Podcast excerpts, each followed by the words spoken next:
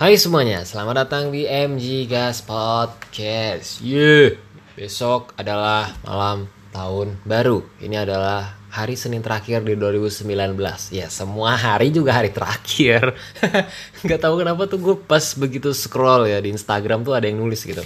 Hari terakhir, eh hari Senin terakhir di 2019. Ya hari yang lain juga hari terakhir gitu maksud gue. Aduh ya Allah, tapi mungkin sudut pandangnya berbeda lah ya. Cie, karena kan setiap hari ya udah menjadi hari terakhir gitu. Satu menit yang terlewat juga sudah menjadi satu menit yang terakhir gitu, nggak akan pernah terulang kembali. Aduh ya Allah. Nah ngomong-ngomong uh, soal mengulang waktu, asik yuk soal mengulang waktu. Siap. Gini, uh, kadang-kadang tuh kita punya beberapa penyesalan yang membuat kita rasanya pengen mengulang waktu. Dan gue pun begitu. Dan gue pun begitu. Gue kadang kalau sekarang nih 2019 tapi rasanya tuh gue pengen balik lagi ke tahun 2014 karena tuh apa ya kalau seandainya di tahun 2014 itu gue lebih lebih bijak lebih berani lebih nggak apa ya lebih percaya diri mungkin gue nggak akan banyak melakukan kesalahan-kesalahan yang mengakibatkan lima tahun ke depannya. Contoh, misalnya kayak gue yang salah jurusan karena mungkin gue berpikir bahwa ya lebih baik ngikutin omongan orang tua supaya gue bahagia tapi ujung-ujungnya enggak ya kan. Dan ini ngaruh loh, bener-bener ngaruh gitu. Jadi salah satu penyesalan terbesar gue ini adalah ketika gue tidak berani mengambil sikap untuk menentukan kalau gue nantinya mau ke mana gitu. Karena gini, uh, gue sampai sekarang tuh masih dihantui dengan penyesalan penyesalan masa lalu yang kayak aduh seandainya coba aja 2014 begitu gue lulus SMA gue nekat gitu ya kan. Maksa supaya diri gue bisa kuliah di jurusan yang gue suka atau mungkin ngelakuin apa yang gue suka. Nggak terpaku dengan omongan orang tua omongan guru omongan uh, ustadz apa teman-teman keluarga dan sebagainya. Cuman waktu itu mental gue tuh belum belum kayak sekarang gitu. Belum kayak belum berani ngambil keputusan ya. Namanya juga dulu lulus SMA wajar lah ya kan. Anak SMA tuh sudut pandangnya waktu dulu tuh sebelum ada Instagram sebelum Instagram terkenal sebelum YouTube terkenal itu sudut pandang anak SMA zaman dulu tuh masih sempit gitu. Kalau sekarang kan mereka kan udah terikat dengan sosial media dengan pengetahuan-pengetahuan yang mereka sendiri bisa dapatkan secara langsung di internet. Kalau gue dulu 2014 tuh masih masih apa ya? Internet tuh masih belum diagung-agungkan gitu. Istilah konten kreator selebgram atau mungkin youtuber tuh juga belum ada gitu. Gue ngelihatnya tuh istilah youtuber tuh mulai naik sekitar tahun 2016 lah. 2016 tuh udah mulai apa ya? Udah mulai booming lah intinya tuh. Istilah istilah youtuber youtuber gitu dan ya sebagainya lah begitu dan e, salah satu hal yang nggak bisa diulang juga selain waktu itu adalah masalah kepercayaan. Asik Nah, gini, gue termasuk orang yang jarang banget bisa percaya sama orang gitu. Maksud gue gini, uh, gue misalnya punya masalah nih kan, atau mungkin uh, punya bahan yang pengen gue cerita, itu gue jarang gitu bisa mempercayai orang untuk sepenuhnya gue limpahkan cerita gue ke dia gitu. Karena kan orang tuh kan pasti mencari telinga di mana uh, apa yang ada di hatinya tuh terlampiaskan gitu kan tersampaikan. Nah gue termasuk orang yang sering dengar cerita orang tapi gue sendiri jarang mau ngeluarin apa yang uh, gue punya gitu apa yang ada di dalam hidup gue gitu apa cerita gue tuh gak pernah gitu gue sambil ke orang. Karena gini uh, gue nggak tahu ya 2019 ini apa ya banyak banyak pelajaran mengenai kepercayaan gitu. Jadi misalnya gini uh, eh, gue tuh tipe orang kalau udah percaya sama orang terus tiba-tiba dihianatin itu besok gue tinggalin langsung karena ya mungkin ada kesempatan kedua sih kayaknya enggak ya. Karena gini uh, gue udah percaya nih sama dia tapi dia begitu. Ya otomatis gue bakal lost gitu bakal udah besok besok gue nggak mau lagi gitu kayak sekali aja gitu. Dan mm, mungkin itulah yang membuat gue lebih berhati-hati menjalin hubungan dengan seorang perempuan. Tapi saking berhati-hatinya malah nggak menjalin-jalin sama sekali sampai sekarang. Dan gue nggak tahu kalau lu gimana cara lu uh, bisa percaya sama orang apa tiba-tiba lu ketemu orang terus nyaman terus langsung cerita ya kan? Atau mungkin lu baru kenal dia seminggu dua sehari dua hari. Sementara kalau gue tuh termasuk yang susah ya. Gue termasuk orang yang sangat susah buat percaya sama orang tuh susah gitu. Gue tipe orang yang ah lu kalau kalau misalnya cuma sekedar buat kerjaan atau apa gitu ya kan? Ya oke okay lah tapi uh, paling nggak ada lah gue beberapa orang yang bisa gue andelin gitu dan gue juga nggak terlalu tergantung sama mereka. Dan karena gini uh, akan ada masa gitu di mana orang-orang yang lo percaya itu bakal ngecewain lu juga. Tapi mungkin nggak parah tapi pasti ada gitu ya pasti ada aja.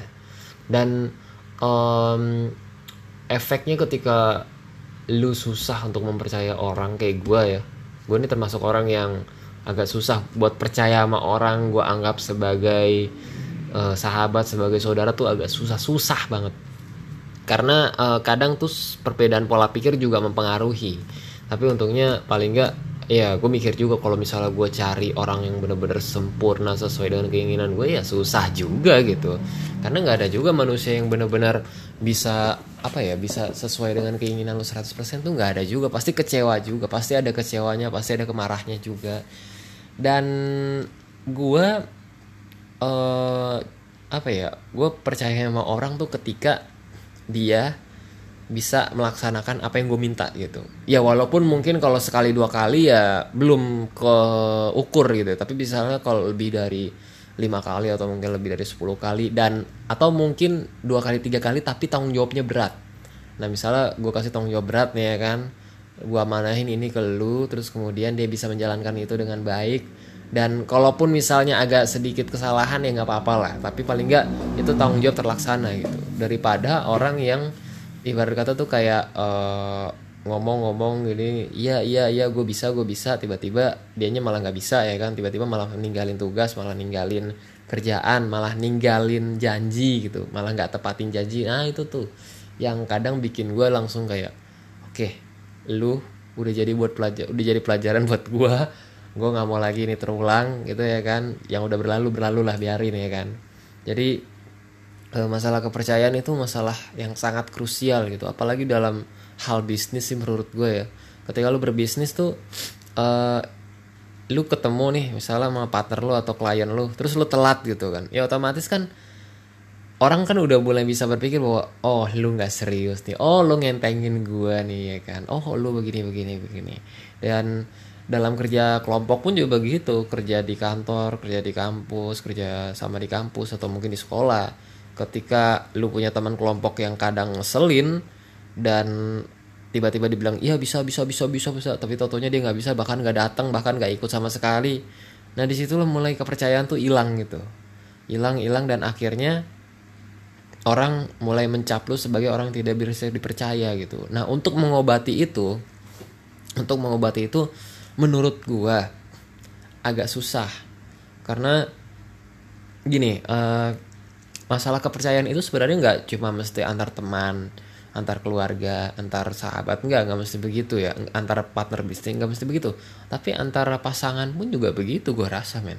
Misalnya sama suami istri ya kan. Lu dulu percaya terus tiba-tiba sekarang misah ya kan. Udah cerai gitu. Itu mungkin karena ada uh, apa ya apa ya janji atau mungkin kepercayaan uh, apa sih istilahnya tuh? Kepercayaan yang hilang gitu. Atau mungkin ah gue udah nggak percaya lo lagi lah. Mungkin lo orangnya terlalu begini-begini. Ternyata lo nggak worth it lah. Orangnya nggak pantas gitu. Nggak nggak fix nggak bagus buat gue gitu. Kan ada yang kayak gitu. Jadi uh, itu sih penyesalan terbesar gue penyesalan terbesar gue seumur hidup gue itu adalah ketika gue tidak bisa mempercayai diri gue sendiri gitu. Dan kadang gini ya gue gue tuh ketika menjalani sesuatu kadang ketemu momen-momen di mana insting gue tuh jalan gitu. Entah kenapa tuh insting gue jalan aduh jangan-jangan nih kalau gue ambil ini ter endingnya begini lagi. Ter jangan-jangan gue ngambil uh, yang itu totonya endingnya bisa jadi yang lain lagi. Nah kadang-kadang tuh insting-insting kayak gitu dalam hidup gue itu gue gue kayak apa ya ayo udahlah jalanin aja gitu. Malah gue tinggalin dan ternyata ketika uh, seiring waktu berjalan justru insting gue yang bener gitu loh kadang tuh begitu penyesalan gue kayak hah? Kok bener ya? Kok tadinya gue kepikiran doang tapi kok gue nggak gue lanjutin? Gitu. Kayak gue tahu nih misalnya kalau jalan lurus nih bakal bukan tahu maksudnya nih insting gue mengatakan kalau gue ambil jalan lurus pasti ntar gue bakal keinjek duri gitu. Nah tapi gue mikirnya kayak ah mungkin udah udahlah kali jalanin aja gitu atau mungkin udah dibersihin kali. Tapi tiba-tiba begitu gue jalan lurus itu bener keinjek duri gitu. Dan gue kayak nyesel ah, aduh padahal tadi udah kepikiran ya udah ada insting udah ada kepikiran gitu.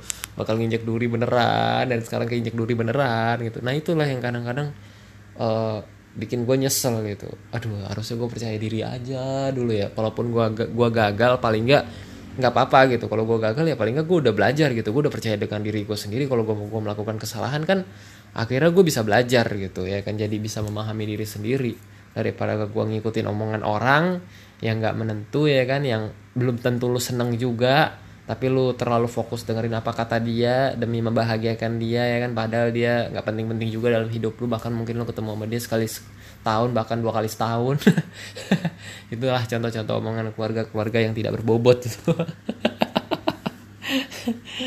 dan eh, apalagi ini sekarang tanggal 30 besok 31 eh Desember tuh 30 atau 31 sih 31 Desember tuh 31 sampai 31 tanggalnya.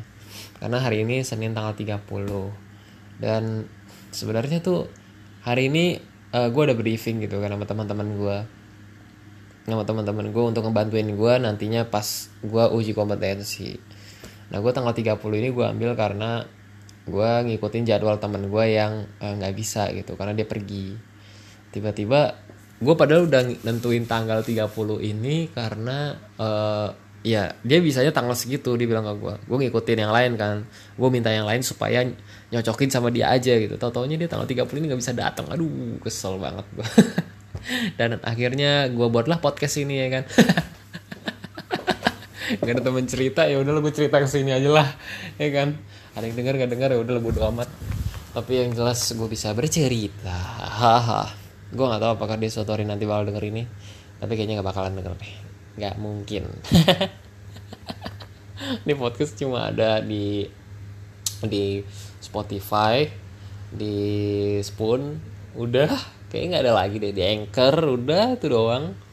Kalau kalau yang kalau kalau YouTube nggak gue nggak nggak upload di YouTube karena apa ya kayak gue kayak agak males aja gitu upload ke YouTube karena kan uh, YouTube tuh lebih visual gitu. Kalau gue bikin podcast ya sayang banget itu YouTube. Nah apalagi ya soal kepercayaan ya? Oh iya ini nih. Nah mungkin gara-gara dari ini juga dari sini juga. Misalnya uh, karena gue sering apa ya ibarat kata tuh gue udah janji nih sama orang ya kan datang jam segini datang jam segini kumpul jam segini. Tapi kayak ya lo tau lah apa budayanya orang orang Indonesia tuh ngaret ya kan. Istilah ngaret tuh udah biasa banget bilang jam 10 datang jam 11 ya kan? Kadang gue agak kesel sih.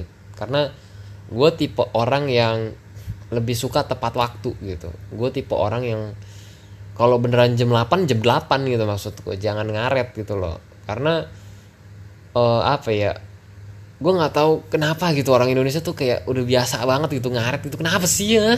Sebel banget gue karena gini padahal kalau misalnya lu udah datang lebih cepet ya masalah lebih cepat selesai kan kerjaan lebih cepat selesai gitu. Dibandingkan lu ya ya ya ya ya tar dulu tar dulu tar dulu tar dulu. Ah gue kadang tuh agak mager gitu. Jadi itu juga salah satu indikator gimana caranya supaya gue bisa mempercaya orang gitu. Ya walaupun mungkin buat sebagian besar orang itu bukan ngaret itu bukan masalah yang penting ya. Tapi buat gue tuh kayak ya lu janjinya jam berapa gitu maksud gue lu janji datang jam berapa datang ya datangnya jam berapa gitu ya kan. Lu janjinya ngumpulin hari apa lu janjinya ketemunya hari apa ya lu datangnya harusnya begitu juga dong sesuai dengan apa yang dibuat gitu. Jangan tiba-tiba ngaret jangan tiba-tiba nggak bisa. Nah mungkin ini kali. Mungkin salah satu cara supaya orang bisa disiplin itu adalah ketika dia terikat gitu makanya eh, sekolah tuh kan membuat kita terikat gitu ya kan. Terus kemudian kampus juga membuat kita terikat perusahaan. Karena gini kalau lo misalnya sekolah lo telat ada konsekuensinya gitu kan. Sementara kalau misalnya uh, kita nggak terikat ya nggak ada konsekuensinya ya kita ngerasa bebas-bebas aja gitu. Karena emang nggak ada apa-apanya nggak ada akibatnya. Mungkin itu kali salah satu penyebab kenapa kayak uh, kita tuh lebih ngentengin waktu kadang-kadang gitu. Karena kalau misalnya kita terikat dan akibatnya ada fatal gitu ya kan ke kitanya itu lebih lebih aware gitu lebih berhati-hati untuk melakukan kesalahan. Jadi menghindari kesalahan lah. Terus apa lagi ya? Cerita apa lagi gue ini gue gue nih buat podcast belakangan ini selalu malam terus. Ya kayak enak malam gitu ya. Lebih lebih hidup gitu. Otak lo kadang lebih hidup pas malam dan lebih sepi tentunya karena rumah gue ini kalau siang agak rame dan agak ngeselin dan pokoknya ribet lah. Um, oh iya. Gue tuh pernah baca ya di artikel internet. Jadi orang Jepang itu orang Jepang itu dia kalau punya teman sahabat uh, itu kalau misalnya udah ketemu satu dan itu bisa selamanya gitu. Jadi kalau udah ketemu satu yang cocok itu bisa selamanya. Makanya mungkin kalau gue kadang nonton anime tuh ya yang romance romance gitu itu kadang selalu berhubungan sama sahabat kecil teman kecil gitu kan atau mungkin apa gitu. Oh ya by the way gue bukan orang yang terlalu fanatik dengan anime juga enggak. Tapi kadang tuh ada beberapa cerita yang gue suka gitu. Gue bukan termasuk orang yang nonton anime terus gila gitu terus jadi wibu terus jadi kayak tiap festival gue dateng enggak enggak gue enggak gitu gitu. Karena karena gue tipe orang yang kayak suka mengeksplor aja gitu. Ini apa sih ya kan? Ini apa sih? gitu. Mungkin kalau seru ya oke okay lah gue tonton. Kalau enggak ya ya udah gue cari yang lain. Jadi orang Jepang tuh termasuk apa ya? Termasuk yang kalau udah ketemu satu yang klop ya udah gitu. Klop aja satu aja. Dan gue nggak tahu kenapa uh, eh, gue dengar katanya angka pernikahan di sana turun ya. Angka pernikahan di Jepang tuh turun. Mungkin karena lebih sibuk bekerja kali daripada uh, mementingkan perasaan gitu. Karena mungkin orang Jepang tuh terlalu banyak main logika sehingga mengesampingkan perasaan kali ya. Tapi dengan begitu tuh kita ngeliat kotanya tuh negaranya maju gitu. Cuma sayangnya pas gue tahu ternyata banyak yang bunuh diri juga gitu. Padahal di Indonesia itu dibandingkan Indonesia kalau kita bandingin Indonesia sama Jepang kondisi kotanya itu padahal lebih rapi lebih tertib Jepang gitu lebih lebih apa ya lebih teratur. Nah gue tuh sebenarnya lebih suka tempat-tempat kayak gitu yang lebih bersih lebih tempat lebih teratur. Cuman yang gue heran kok orang banyak juga ya yang bunuh diri di sana gitu. Jadi ada sesuatu yang membuat uh, Jepang tuh penduduknya banyak yang pengen bunuh diri. Sementara orang Indonesia yang semeraut yang kadang-kadang tuh orang juga judes ya kan di jalan. Sebentar-bentar bisa berantem sebentar-bentar bisa emosi. Tapi ya santuy aja. Kadang kadang bingung juga gue jadi. Jadi jadi ini kehidupan yang kita inginkan ini seperti apa sih? Ya kan? Gue ngebandingin negara Jepang yang maju yang bersih yang pinter yang wah wah wah pokoknya serba wah lah. Tapi kok banyak yang bunuh diri. Sementara kita yang ibarat kata tuh negara yang bahkan gue pernah baca ya di di Instagram tuh kita tuh negara tersantuy gitu tersantuy tersantai gitu ya kan? Ya Allah. Udah sangkin apa ya? Apa udah sangkin bodoh amatnya gitu yang namanya kehidupan? Jadi santuy aja lah ya kan? Jadi kepercayaan lu tuh terhadap orang nggak udahlah bodoh amat gitu kan? Apa udah terserah gitu. Yang penting gue happy yang penting gue seneng ya kan? Aduh ya Allah. Dan mungkin ini juga berhubungan dengan rasa percaya diri lu gitu. Menurut gue kayaknya orang Indonesia ini percaya dirinya terlalu overload gitu. Karena terlalu santuy gitu. Ya udah bodo amat lah. Ya udah resiko lah. Ya udah take risk lah ya kan. Berbeda mungkin dengan orang Jepang yang memang ya mereka mendikasikan hidupnya buat kerja gitu. Gue pernah denger juga kata di Jepang itu sekolahnya tuh full day gitu. Full day terus bahkan yang udah pulang sekolah pun bisa kerja part time lagi gitu anak-anaknya. Gue bilang gila ya Jepang ya. Sampai sebegitunya apa kayak orang-orang di sana tuh kayak bener-bener jadi budak gitu. Gue gue ngebaca artikelnya tuh gue ngebayangin anjir ini Jepang beneran kayak lu kayak diperbudak sama kehidupan gitu loh. Bukan lu budak lu punya tuan. Bukan bukan bukan bukan itu. Maksud gue tuh lu kayak bener-bener diperbudak sama kehidupan gitu. Kalau di Indonesia ya mungkin nggak jauh beda cuman paling enggak tuh kayak Indonesia tuh lebih santuy gitu lebih apa ya lebih bodoh amat lah gitu ya kan ya walaupun tindak kejahatan juga banyak sih. Dan kalau lu tanya ke gue uh, hat eh gas lu lebih suka mana? Jepang apa Indonesia untuk kehidupan? Kalau untuk soal penataan lingkungan soal keteraturan itu gue lebih suka Jepang. Karena gini gue tipe orang yang lebih suka uh, ya kayak gitu gitu. Tepat waktu ya kan on time terus uh, bersih gitu. Atau mungkin uh, apa ya ya nggak kotor lah gitu. Walaupun mungkin di Jepang itu kalau gue lihat peduli terhadap sesama kayak masih kurang ya. Gue nggak tahu dah kalau ada orang kecelakaan. Oh itu India. Sorry sorry sorry. Itu India itu. Gue pernah lihat video kayak orang India ketabrak gitu terus mati kan di tengah jalan kayak dibiarin aja gitu. Dibiarin. Anjir apa sih? Aduh nggak jelas lah. Aduh ya Allah. Tapi kalau untuk uh, ramah tamahnya tuh sih gue lebih suka di Indonesia gitu. Karena orang Indonesia tuh ya sebodoh bodohnya orang Indonesia sejahat jahatnya orang Indonesia masih ada feeling buat ngebantu gitu buat nolongin buat peduli gitu. Ya walaupun kadang-kadang ada penjahat juga yang pura-pura sok-sok peduli terus memanfaatin momen terus akhirnya barang lu dicuri mungkin atau apa gitu ada juga memang. Tapi paling enggak Indonesia tuh lebih apa ya kepedulian terhadap sesama tuh lebih ada gitu loh dibandingkan mungkin orang-orang di negara maju ya menurut gua menurut gue. Ini kalau pendapat gue salah menurut lu ya nggak apa-apa. Atau juga gue sudut pandangnya berbeda. Kita kan kalau berbeda kan nggak apa-apa. Kadang-kadang gue mikir gitu ya. Uh, ini di Indonesia nih apa ya orangnya begini begini begini tapi kadang gue berpikir bahwa gue juga pengen kayak tinggal sesekali di luar negeri gitu kan. Gue pengen ngerasain lingkungan baru orang-orangnya kayak gimana gitu. Ya kalau lo bilang uh, di sana kan juga pasti ada orang jahat. Iya gue setuju. Cuma maksudnya tuh kayak apa ya bisa nggak ya? Gitu maksud gue gue tinggal di luar negeri. Ya bisa sih bisa gitu. Kalau gue dari rezekinya mah bisa aja. Dan gue pengen punya uh, keluarga di sana gitu ya kan. Jadi gue nggak usah ke Indonesia lagi lah. Indonesia cukup di masa muda aja. Masa tua gue gue habisin di sana gitu ya kan. Karena uh, ini gue nggak tahu uh, gue doang tapi menurut gue ya kayak tuh Indonesia makin lama makin sumpek gitu. Gue nggak tahu dah. Ini perasaan gue aja apa emang tuh gue ngeliat Indonesia tuh makin lama makin sumpek gitu? Apa mungkin karena gue tinggal di Jakarta yang penuh dengan kemacetan kali ya gue mikirnya kayak gitu. Jadi sumpek banget gue ngeliatnya gitu. Kadang gue keluar rumah aja udah macet. Kadang gue ini aja aduh macet lagi anu anjir. Kadang tuh gue rasa pengen pengen pindah gitu loh. Pengen pindah ke suatu tempat gitu ya kan penuh dengan udara yang sejuk gitu. Penduduknya juga nggak terlalu banyak. Ya ada sih di desa gitu kan. Ada. Dan apa ya uh, waktu gue main gitu sama teman gue tuh waktu gue ke desa yang di tempat dia ada bisnis di situ itu gue entah kenapa kayak kepikiran pengen tinggal di situ lebih lama gitu. Karena apa ya? Itu tenang. Pertama tuh tenang.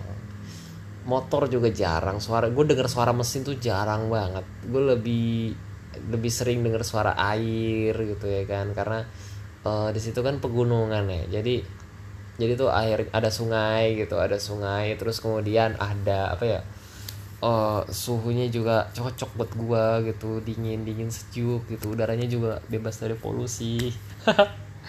Terus gue mikir kadang gue mikir aduh kayaknya tuh enak tinggal di desa tuh enak juga gitu. Lu nggak perlu mikirin betapa repotnya repotnya hidup di kota ya kan? Betapa uh, tingginya gaya hidup di kota karena kalau gaya hidup lu nggak tinggi mungkin lu pengakuan lu dari masyarakat kurang gitu ya kan? Di mana lu nggak perlu mikirin followers atau mungkin mikirin tentang uh, anggapan orang-orang mengenai kehidupan lu. Yang penting lu stay healthy di desa itu tetap sehat ya kan? Nggak perlu stres ya kan? Karena mungkin setiap hari lu ketemu orang yang agak rese orang-orang yang agak ngeselin gitu. Karena gue mikir begitu gitu. Dan uh, menurut gue tuh apa ya mungkin orang-orang desa dengan orang-orang kota tuh rasa kepercayaannya tuh lebih tinggi di desa gitu. Karena kalau di desa kan ya kita kan jarang ngeliat orang ya jarang ngeliat penduduk baru gitu. Jadi kayak udah klop aja mungkin gitu antar tetangga. Bahkan antar tetangga udah kayak di saudara sendiri gitu saling ngebantu ya kan? Udah deket banget gitu. Tuh sementara kalau di kota lu tahu kan e, ramainya rusuhnya kayak gimana ya kan? Yang sekarang temenan bisa besok musuhan gitu ya kan? Ya, aduh. Ya di desa sih juga bisa. Cuman maksud gue kemungkinan untuk seperti itu tuh jarang gitu kalau di kota tuh kayak musuh musuh musuh sikut sana sikut sini ya kan? Yang tadinya musuhan bisa temenan yang bisa temenan jadi bisa jadi sahabatan sahabatan jadi uh, pacaran pacaran jadi nikah nikah jadi putus lagi cerai lagi aja ya aduh ya Allah. Tapi balik lagi sih masalah kepercayaan ya masalah keamanahan gitu. Bukan kepercayaan keyakinan kayak agama bukan. Maksudnya tuh kayak trust gitu loh rasa trust lo ke orang itu tuh uh, penting gitu. Dan gua gue termasuk orang yang berusaha menjadi apa ya bisa di trust gitu sama orang bisa dipercaya gitu bisa diamanahin. Jadi jadi itu yang gue lakuin sekarang. Karena menurut gue tuh apa ya nilai nilai ketika orang bisa percaya amal itu tuh salah satu nilai yang sangat penting gitu salah satu hal yang sangat penting. Karena kalau orang udah bisa percaya sama lu yakin sama lu dan dia berani ngasih lu tanggung jawab itu udah kayak wow gitu loh men. Itu udah udah keren gitu loh. Itu salah satu hal yang sangat penting di era sekarang gitu. Bahkan walaupun lu nggak mendapat bayaran itu uh, nggak memandang uh, jabatan nggak memandang harta nggak memandang dia siapa gitu. Terus tapi lu bisa mempercayai dia atau mungkin dia dipercaya sama lu gitu. Itu udah suatu hal yang menurut gue udah keren banget itu dan itu gue mencari itu gue mencari orang-orang kayak gitu tuh kadang susah banget gitu. Bahkan yang udah terikat dengan kontrak pun terikat dengan uh, suatu hal kadang mereka masih apa ya membuat rasa kepercayaan gue tuh kayak aduh ini nggak bisa dipercaya lagi nih orang. Udah besok besok gue nggak minta lo lagi dah udah besok besok gue nggak bakal nyuruh lo lagi dah. Udah besok besok lu nggak bakal gue tugasin lagi dah. Udah kayaknya ini yang terakhir aja gitu. Ya mungkin ini juga salah satu penyebab perubah uh, apa ya salah satu efek dari perubahan zaman gitu ya kan. Di mana orang uh, mulai semakin individual dan kayak kalau nggak ada feedbacknya buat gue kalau nggak ada keuntungannya buat gue gue nggak mau nolong gitu ya kan gue nggak mau bantu gitu. Ya nggak salah sih nggak salah sih emang emang udah eranya begitu.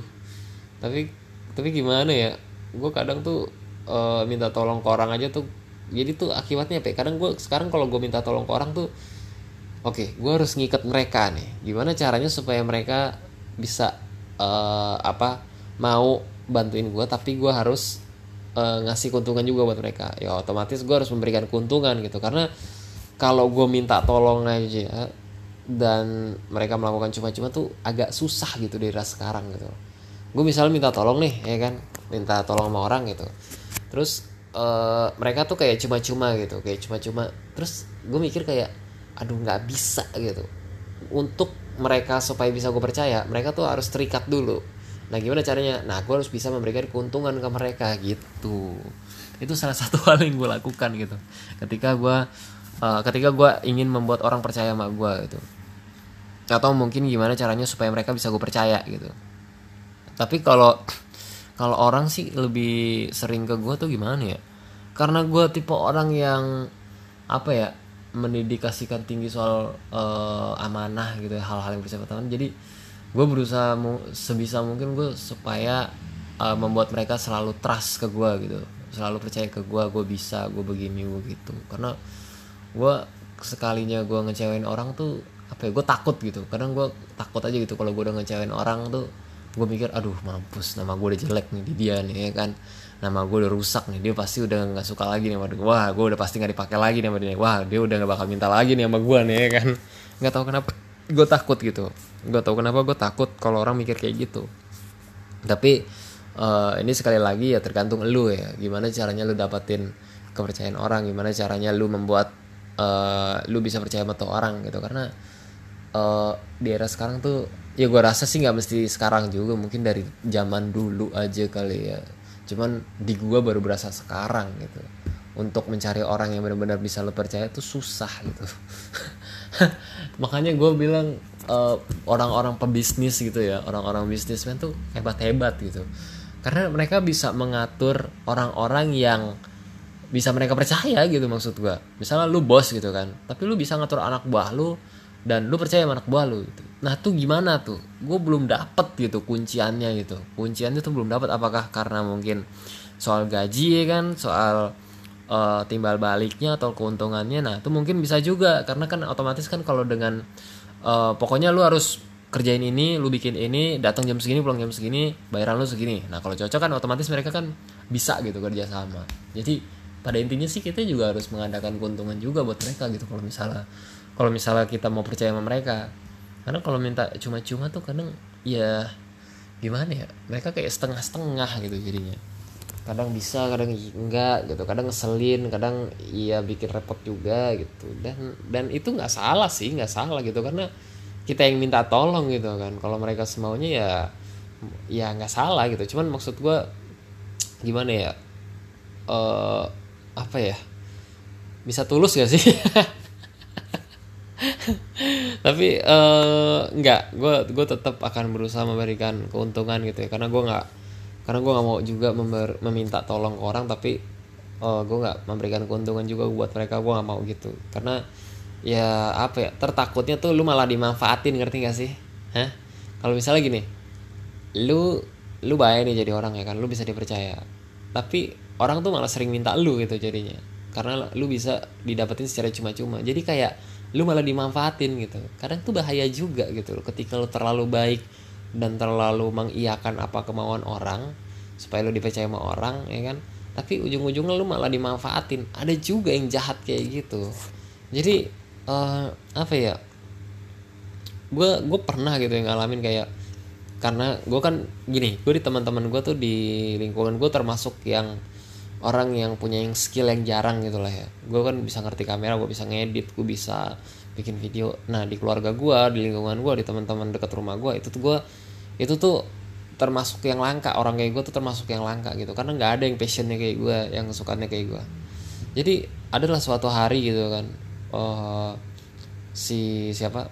Jadi kayak ini orang dulu pernah ngajarin gue gitu waktu sekolah ya kan. Ya bisa dibilang mantan guru gue lah mantan guru gue dan gue waktu waktu dia nikah gue dokumentasin acara dia kan. Itu gue lakukan secara cuma-cuma gitu. Karena waktu itu gue emang pengen belajar aja gitu kan. Dan waktu itu gue juga nggak pakai kamera gue pakai HP gitu. Dan hasilnya lumayan lah gitu. Dan gue gue editin video dia gue satu-satuin terus gue kasih ke dia. Dan lo tau nggak apa yang terjadi? Begitu adanya mau nikah dia minta gue supaya fotoin lagi supaya videoin lagi gue kan mikir gini kan oke itu gue kemarin ngebantuin lo supaya gue belajar juga gitu karena gue juga butuh pengalaman. Tapi bukan berarti terus terusan ada yang nikah terus lo nggak ngasih feedback ke gue gitu ya kan? Karena kan kita juga butuh duit men. Kita juga butuh apresiasi gitu butuh uang juga gitu loh. Dan ini ngerembet terus akhirnya gitu ngerembet terus ke temen gue yang dia nikah terus minta dibikinin eh, video juga bikinin foto juga gitu. Gue mikir anjir ini gak ada feedbacknya buat gue gitu. Bisa bisa gue dimanfaatin gitu kan karena hanya karena gue pengen dipercaya sama orang gitu.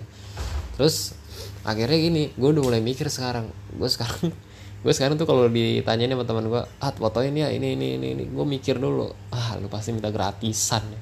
Lu pasti minta didesainin doang habis itu gini gini gini. Gue tahu gitu karena ujung-ujungnya gitu gitu. Orang tuh pengen kayak cuma-cuma gitu. Aduh ya Allah. Tapi giliran kita apa ya orang minta tolong ke kita kita bantuin mereka gitu ya kan kita tolongin dia. Tapi terus-terusannya malah minta minta tolong minta tolong terus gitu dan jatuhnya mereka manfaatin kita. Tapi giliran kita yang minta tolong ke mereka ya kan ketika uh, kita udah mulai mencoba percaya mereka gitu karena mereka sering minta tolong ke kita gitu kita minta tolong ke mereka mereka kayak ogah-ogahan gitu. Kadang itu yang bikin gue kesel gitu yang bikin gue marah gitu ya yang bikin gue gedek gitu. Jadi susah banget berpercaya sama orang. Dan paling parahnya bikin gue males nolongin orang lagi gitu karena itu gitu. Jadi kayak gue udah baik sama lu gue udah uh, mau bantuin lu tapi kok lu kayak malah manfaatin kepercayaan gue gitu loh dan ketika gue mau percaya sama lu gue minta tolong kok lu nya malah begini? Gitu loh malah nggak ada. Dan semenjak itulah gue kayak uh, aduh nggak bisa nih.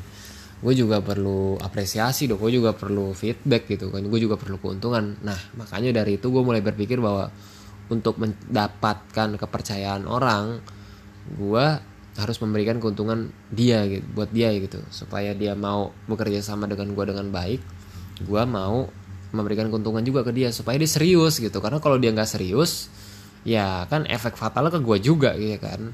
Jadi kadang tuh gue juga kesel gitu ngelihat uh, tapi nggak cuma gue sih. Di Instagram tuh jadi gini di Instagram kan gue suka ngefollow akun-akun yang kayak fotografer-fotografer editor gitu ya kan. Kadang kan mereka kan juga suka minta diminta orang supaya buat uh, jadi foto wedding jadi fotografer atau mungkin jadi apalah gitu. Kadang juga di share tuh apa tentang chat antara klien dengan editornya tentang chat antara klien tentang fotografernya yang minta digratisin lah kan mumpung temen lah kan e, lagi sahabat lah kan saudara lah apalah tai kucing gitu gue bilang kan. Kadang tuh orang kayak gitu. Jadi kepercayaan kepercayaan tuh itulah yang membuat gue kayak aduh susah men zaman sekarang lu nyari orang-orang yang benar-benar bisa lu percaya. Yang maksud gue tuh oh, apa ya intinya tuh intinya bisa memberikan keuntungan satu sama lain lah gitu. Jangan mau untung sendiri gitu loh. Kadang gue kesel gitu kan. Terus gue kadang lihat lagi di Instagram gitu chat antara klien dengan uh, apa tuh apa sih istilahnya klien sama apa tuh editor gitu ya kan. Minta didesain uh, apa tuh undangan buat pernikahan. Tapi tiba-tiba si ininya nyaranin si editor nyaranin coba nih ke sini gitu. Terus kliennya bilang ah itu bayar kan kalau mau lu kan gratis gitu kan temen gitu. Karena tai kucing gitu maksud gue ya Allah ini apa sih? Gitu apa? gitu loh. Apa yang membuat orang-orang tuh seperti ini tuh apa? Ya maksud gue tahu diri lah gitu. Ketika orang udah baik sama lu jangan lu terus manfaat manfaatin terus terusan gitu. Dan kalau orang udah baik ke lu paling enggak lu baik juga lah ke dia ya kan ya walaupun memang jatuhnya sih kayak nggak ikhlas ya kitanya ya. Karena kan kita kadang nolongin orang juga uh, pengen dapat pahala juga pengen dapat uh, ridho dari Allah juga gitu. Tapi maksud gue tahu diri juga lah gitu ya kan. Misalnya saudara lu punya warung makan terus hanya karena dia saudara lu terus sesekali dia bilang udah digratisin aja nggak perlu bayar. Terus lu tiap hari ke situ kan supaya lu nggak dapat makan bayar gitu gratis kan keselin juga gitu ya kan. Ngerugiin juga nggak gitu juga kali ya kan kadang gue bingung gitu mau orang mikirnya tuh gimana sih? Gimana gitu loh maksud gue aduh ya Allah. Terus abis itu minta tolong ya kan ke siapa? Saudara gitu ya kan minjem duit. Hanya karena mungkin saudara lu kaya bukan berarti lu bakal terus terusan minjem ke dia gitu. Nggak juga. Jangan lu manfaatin dia jadi bang lu gitu kan. Nah itulah pentingnya sebuah kepercayaan ya dan apa ya uh, eh, gue nggak tahu nih nanti di 2020 ini apakah mungkin gue bakal berubah gitu mengenai uh, rasa trust gue ini rasa kepercayaan gue keamanahan gue ini di orang-orang karena gue terus terang aja menjelang akhir 2019 ini gue lebih banyak ngekat orang gitu memotong orang gitu. maksudnya tuh kayak oke okay, gue nggak gue nggak bakal gampang lagi percaya sama orang lu sekali kayak gini udah op gitu ya kan.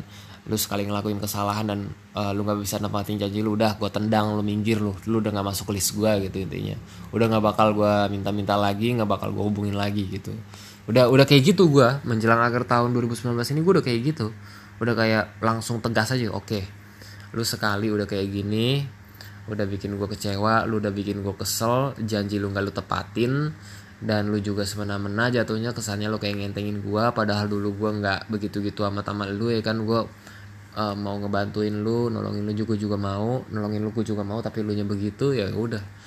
Langsung masuk list daftar bahwa gua nggak akan pernah lagi minta tolong sama lu nggak bakal lagi ngebantuin lu gitu udah. Udah maksudnya gua udah out the op. Sorry sorry sorry. Kecuali kecuali lu minta sesuatu ke gua terus lu bisa ngasih gua feedback ya kan? Atau mungkin ngasih keuntungan oke okay lah gitu gue udah sampai kayak gitunya sekarang tuh gara-gara gue pernah percaya sama orang terus dihianatin tuh kayak hah gitu. Udahlah udahlah kita buat buat uh, apa ya buat ini aja buat saling keuntungan aja. Lu dapet ini kalau bantuin gue dan gue dapet ini kalau lu bantuin gue gitu. Titik. Nggak ada pakai koma. Dah. Itu aja sih cerita gue ini cerita ini podcast terakhir di 2019 kayak dah karena gue nggak tahu besok kan malam tahun baru nih. Gue nggak tahu besok gue bakal bikin podcast apa enggak karena gue besok rencananya bakar singkong ya. Bakar singkong dan gue nggak tahu apakah jadi apa enggak tapi intinya mungkin di 2019 ini gue tutup dengan podcast mengenai rasa kepercayaan terhadap orang lain gitu. Ya gue nggak tahu judulnya apa ntar lihat aja lah pokoknya. Oke seperti biasa Uh, terima kasih telah mendengarkan podcast gue yang isinya kadang ke sana kemari yang tidak jelas sama sekali ya kan? Yang hanya bisa menemani hidup lo sementara waktu. Iya iyalah. Terima kasih sekali lagi dan sampai ketemu di podcast berikutnya. Dadah